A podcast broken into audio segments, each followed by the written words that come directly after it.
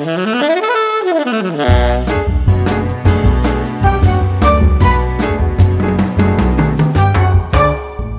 lytter til Selvpodden, en podkast fra Senter for livslang læring. De siste årene har mange skoler gått i retning av at elevene får ta større del i utviklingssamtalene sine, og elevstyrte utviklingssamtaler eh, har bredt om seg. I dag har vi vært så heldige at vi får snakke med to elever som har eh, erfaring med denne måten å jobbe på. og Vi skal få høre litt eh, hvilke erfaringer de har, og kanskje hvilke råd de har til andre skoler. Eh, vil dere fortelle hvem dere er? Ja, jeg heter Mathilde Rekke Sørhaug. Jeg kommer fra en plass etter Karmøy, og går på Stangeland ungdomsskole. Og på skolen da så har vi jo den elevstyrte utviklingssamtalen, eh, og det syns jeg er veldig gøy. Og jeg liker jo da å holde på med litt sånn musikk og ja, matte. Eh, Jeg heter Ådne Tvedt og jeg kommer også fra Karmøy, eh, Kopervik nærmere bestemt. Eh, Jeg er 15 år og går på Stangeland ungdomsskole. Her har vi utvikling, elevstyrte utviklingsavtaler, og jeg syns det funker kjempebra.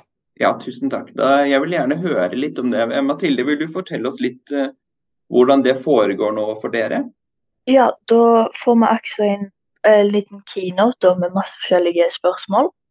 Så skal vi lage en um, presentasjon der vi svarer på spørsmål, og så skal du legge til litt bilder, og så forklarer du hvordan du har det da, fra ditt synspunkt og det å være på skolen. Og det tar man med seg til samtalen med foresatte og læreren, da? Ja. Jeg syns, eller jeg tror at lærerne syns at det er en veldig fin måte å gjøre det på. Og jeg tror ikke de hadde fortsatt med det hvis de ikke likte den måten å gjøre det på. For det er jo De burde jo vite hvordan elevene deres har det på skolen. Og det er jo en perfekt mulighet for å finne dette ut. Får du mye tid til å forberede det? Ja, vi får um, to timer på skolen. Eller det er jo litt regulert etter hvor travelt vi har det. Og så må vi jo bruke litt tid hjemme da, til å forberede oss og øve inn. Men vi får ganske god tid på skolen. Eh, Og Ådne, nå går jo dere på tiende trinn. Var det, har dere hatt det samme systemet på åttende og niende trinn også? Eh, Det har vi, eh, og det, de tre årene som vi har gått her nå, det, har, det syns jeg har funka kjempebra. Jeg, jeg Du får si ditt, og uten at uh, noen lærere forstyrrer eller avbryter deg, og uten at uh, mor eller far kikker ned på deg og er sånn mm. uh, Og det er bra. Har du noen andre erfaringer fra tidligere, før, fra- barneskolen f.eks.? Det har jeg. På barneskolen så pleide jeg ofte å være litt stressa og litt sånn Å, nå er det foreldresamtale, nå må jeg jobbe skikkelig. Eh, og det har liksom Det har jo påvirka meg litt på ungdomsskolen og fått meg til å jobbe så godt som jeg klarer. Eh, Og Mathilde, er det sånn at eh, Får dere hjelp av læreren til å lage presentasjonen deres, eller hva slags, hva slags støtte får dere? Vi får jo de spørsmålet, og hvis det er på en måte Når vi står i presentasjonen og er litt usikre, så kommer jo lærerne inn med deres mening, da.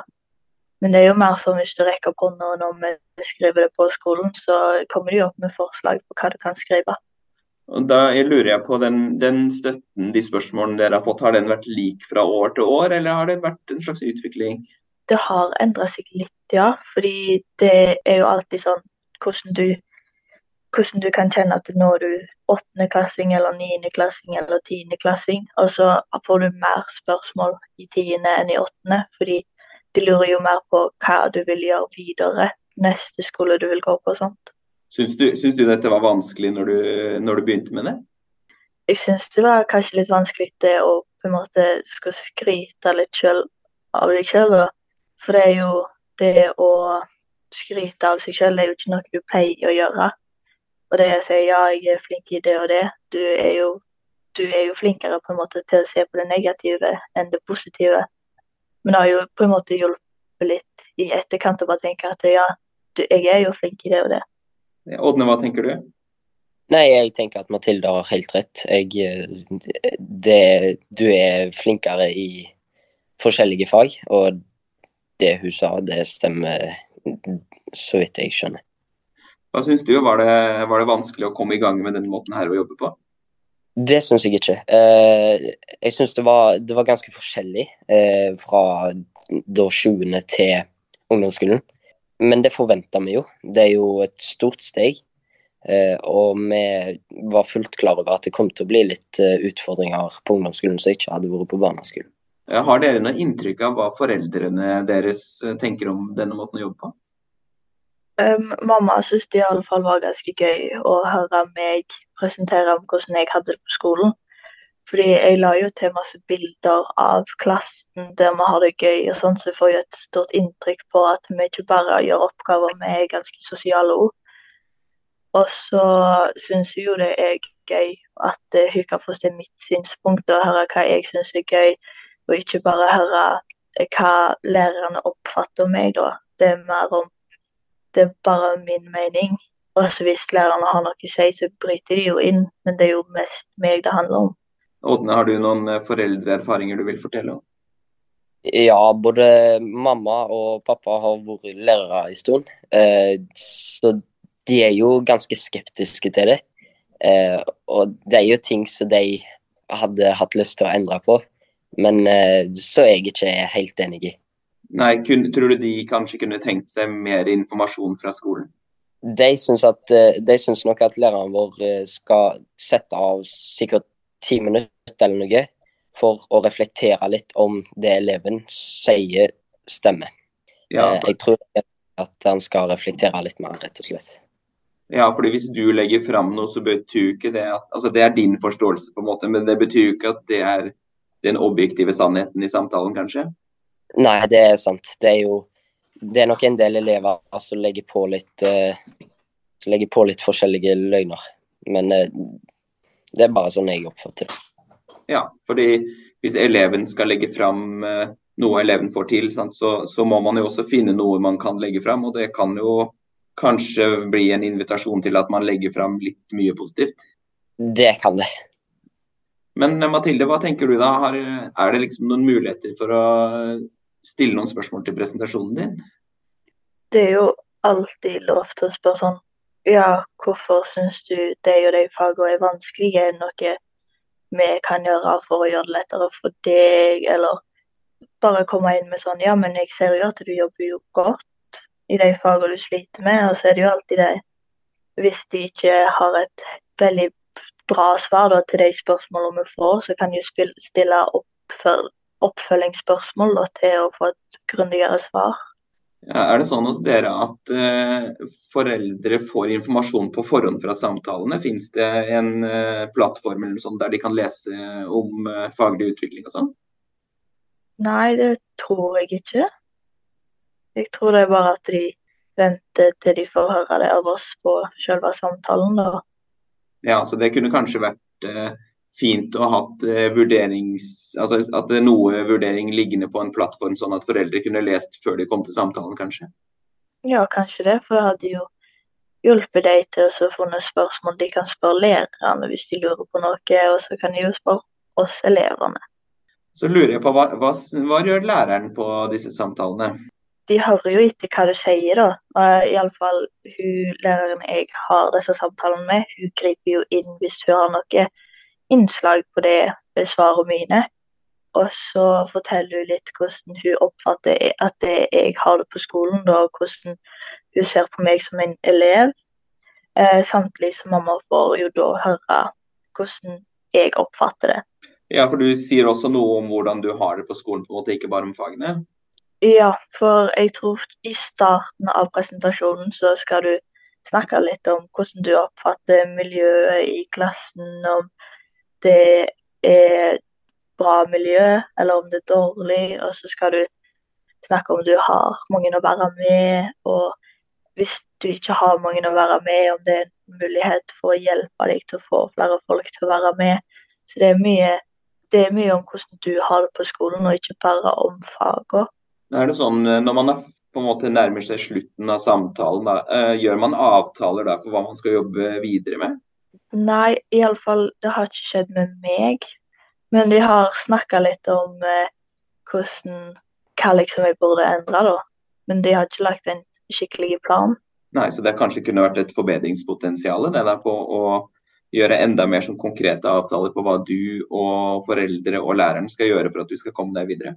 Ja, det er, en, det er et spørsmål de pleier å stille. Det er sånn hva kan foreldre gjøre for at du skal få det lettere til å ta et valg til neste skole?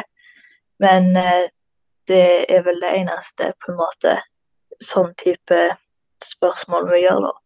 Snakker dere mye om eh, karakterene deres på utviklingssamtalene? Uh, nei, det er ikke så mye snakk om karakterene. Det er mer hvor vi ligger. Men uh, karakterene, de blir det ikke så mye snakk om. Hva tenker du om det, Mathilde? Jeg syns det er kanskje litt greit at det ikke er så mye snakk om karakterer. For det er jo ikke alle som er kjempestolte over de karakterene. Du får jo et spørsmål om sånn er det en karakter du ble positivt overrasket over. Men det er, jo, det er jo en positiv ting. Men vi fokuserer ikke så mye på det du er dårlig på. På en måte så er det jo veldig fint at du ser på mye av det positive. Men på en annen måte så burde jo folk snakke om karakterene sånn at de har potensial til å forbedre seg. Ja, så du tenker at vi burde snakke om om hvordan du presterer i fagene og, sånn at, eh, og hvilke strategier man kan bruke for å bli bedre i fagene. Da. Ja, fordi mye av grunnen til at det, eller jeg tror at mye av grunnen til at folk ikke blir så mye bedre på skolen, er fordi at det, det er så mye vekt på hvordan du er som person, og at folk glemmer litt ut at karakterene er fortsatt litt viktige. Og at eh, hvis du får en skikkelig oppfølging i disse karakterene, så blir det lettere å bli bedre i faget, og hvis du vet hva du må øve på. Altså det handler vel så mye om hva du må øve på, som hvilket nivå du ligger på, egentlig. da. Ja. Men når dere starta med dette i åttende trinn, hvis dere skulle begynt på nytt der nå, hvilke, hvordan ville dere helst at disse samtalene skulle se ut da, som ny åttendeklassing? Kanskje først så ville jeg hatt en kort presentasjon om hvordan jeg har det og hvordan jeg, hva fag jeg liker best, og hvordan jeg trives på skolen og alt det der. Og så ville jeg tatt resten av samtalen til å snakke om det i faget og hvordan jeg ligger an i faget. At da tar læreren heller litt kontroll. Fordi jeg tror vi får mye mer informasjon hvis lærerne òg tar litt kontroll. Ja, jeg eh, støtter Mathilde i alt det hun sa der. Jeg er helt enig i at lærerne bør ta litt mer kontroll enn det de gjør nå på slutten av samtalen. Men eh, de kan gjerne sette av ti minutter, eh, sånn at de kan da snakke litt om hvordan vi, ligger, hvordan vi ligger an, og ja, litt karakterer, rett og slett. Ville dere hatt på en måte mer støtte på åttende trinn og liksom en mer sånn fast mal for det på åttende, og så kanskje at man fikk større frihet opp mot tiende trinn? Ja, det syns jeg. For sånn Jeg liker egentlig ganske godt denne greia, fordi da får du et mye større inntrykk enn det du hadde fått hvis du, hvis du bare hadde vært læreren. Men jeg tenker at når du er i åttende, så har du ikke så mye meninger og tanker om hvordan du har det på skolen, enn det du har i tiende, da. Det, det er jeg enig i. Du, på åttende så starter du med blanke ark, eh, og du aner ikke hva som venter deg. Men eh, nå i tiende så ser vi jo at eh, vi kunne hatt litt friere tøyler, og, og vi hadde ikke trengt å fulgt den malen opp. Nei, for du tenker at nå har du på en måte blitt vant med denne formen, og du har mer å bidra med sjøl? Ja, det syns jeg. Men Ådne, tenker du at uh, dette er noe dere også kunne gjort på barneskolen? Ja, det syns jeg. Eh, jeg grua meg jo litt til foreldresamtaler på barneskolen. Eh, men det var nok mest fordi det ikke var jeg som hadde kontrollen. Da var det lærerne, og det var ikke så mye som jeg kunne gjøre med det. Men hvis vi hadde snudd litt om på rollene nå, da tror jeg det hadde gått bedre. Ja, for du tenker kanskje at en femte, sjette, sjuendeklassing også kan si litt på disse samtalene? Ja, jeg syns at uh, de som er større enn fjerde klasse, altså femte, sjette og sjuende, de tror jeg klarer å snakke litt for seg sjøl. Mathilde, jeg lurer litt på om du har noe inntrykk av hva lærerne syns om denne her måten å jobbe på? Jeg tror det er en veldig jeg tror de syns det er en veldig fin måte å gjøre det på. da, fordi eh, det å være lærer handler jo ikke bare om å på en måte lære elever ting som de kan bruke i framtida. Men det handler jo om å følge dem opp og se hvordan de har det, og passe på oss litt. Og det er jo litt vanskelig å vite hvordan folk har det. Og da når du får se en presentasjon av den eleven da, der de snakker om hvordan de har det på skolen, så er det jo mye lettere å liksom hjelpe eleven videre. Opplever du at du kan være ærlig med læreren din og foreldrene på en sånn samtale? Ja, for akkurat nå så er jeg jo ganske stolt over mine karakterer og hvordan jeg gjør det på skolen. Så for meg så er det jo lett å på en måte snakke om hvordan jeg har det og hvordan jeg gjør det på skolen. Men jeg vet ikke om det er like kjekt for folk som kanskje ikke er så stolte over de karakterene de har, og hvordan de har det på stolen. Nei, så det kan jo kanskje være litt vanskelig å legge fram hvis du føler at det ikke går så spesielt bra på skolen? Ja, for eh, det er jo ikke alle som har lyst til å fortelle til foreldrene sine at de ikke liker skolen, at de ikke liker å jobbe med fag, og at de ligger ganske langt bak.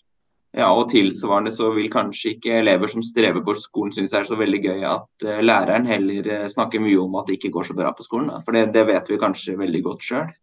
Ja, for jeg husker spesielt når jeg var yngre, for da hadde jeg alltid de, eller de der uh, elevsamtalene, da. Da var det jo bare foreldrene mine og lærerne. Og da fikk jo aldri jeg et inntrykk på hvordan jeg hadde det. Og hvis f.eks. jeg hadde slitt i fag da, så hadde jeg jo ikke lyst til at foreldrene mine skal finne det ut. For det er jo på en måte Du har jo lyst til å gjøre foreldrene dine stolte. Ja, men da hvis du har denne typen samtale som dere har, så har du i hvert fall muligheten til å ta tak i de fagene og de områdene du føler at du får til noe på, da. Ja, så f.eks. hvis du sliter med matte, så kan du i alle fall si at ja, men jeg syns det er veldig gøy å holde på musikk og ha gym, og at du får litt positivt selv om det er mye negativt. Mm. Ja, for de fleste uh, har det vel best når vi kan ha fokus på det som er positivt. Da. Ja, fordi du tar jo mye mer til deg det som er negativt enn det som er positivt. Så hvis du har muligheten til å si hva du trives med, så hjelper det jo ganske mye når det er mye andre ting du sliter med. Nå tror jeg vi nærmer oss eh, slutten av samtalen, og da har jeg veldig lyst til å høre om dere har noen råd til andre skoler som uh, vurderer å begynne med mer elevstyrte utviklingssamtaler. Hvilke, hvilke, råd kan vi gi dem på veien? Finn gode spørsmål som kan hjelpe på en måte lærerne og foreldrene til å få en god forståelse over hvordan elevene har det. Og finne spørsmål som kan få fram mye av det positive, samtidig som du får fram mye mye spørsmål som kan hjelpe deg med å forstå det som eleven sliter med, eller det som de trenger litt mer veiledning til, da. Uh, ja, det, det, går mest ut på å finne gode spørsmål. Eh, og gjøre det komfortabelt for både lærere, elever og foreldre. Bra tips. Da, tusen takk skal dere ha, Mathilde og Ådne, for at dere delte erfaringene deres med oss. Og så ønsker vi dere lykke til med resten av 10. trinn og med videregående skole. Og takk for hjelpen. Takk. Takk, takk.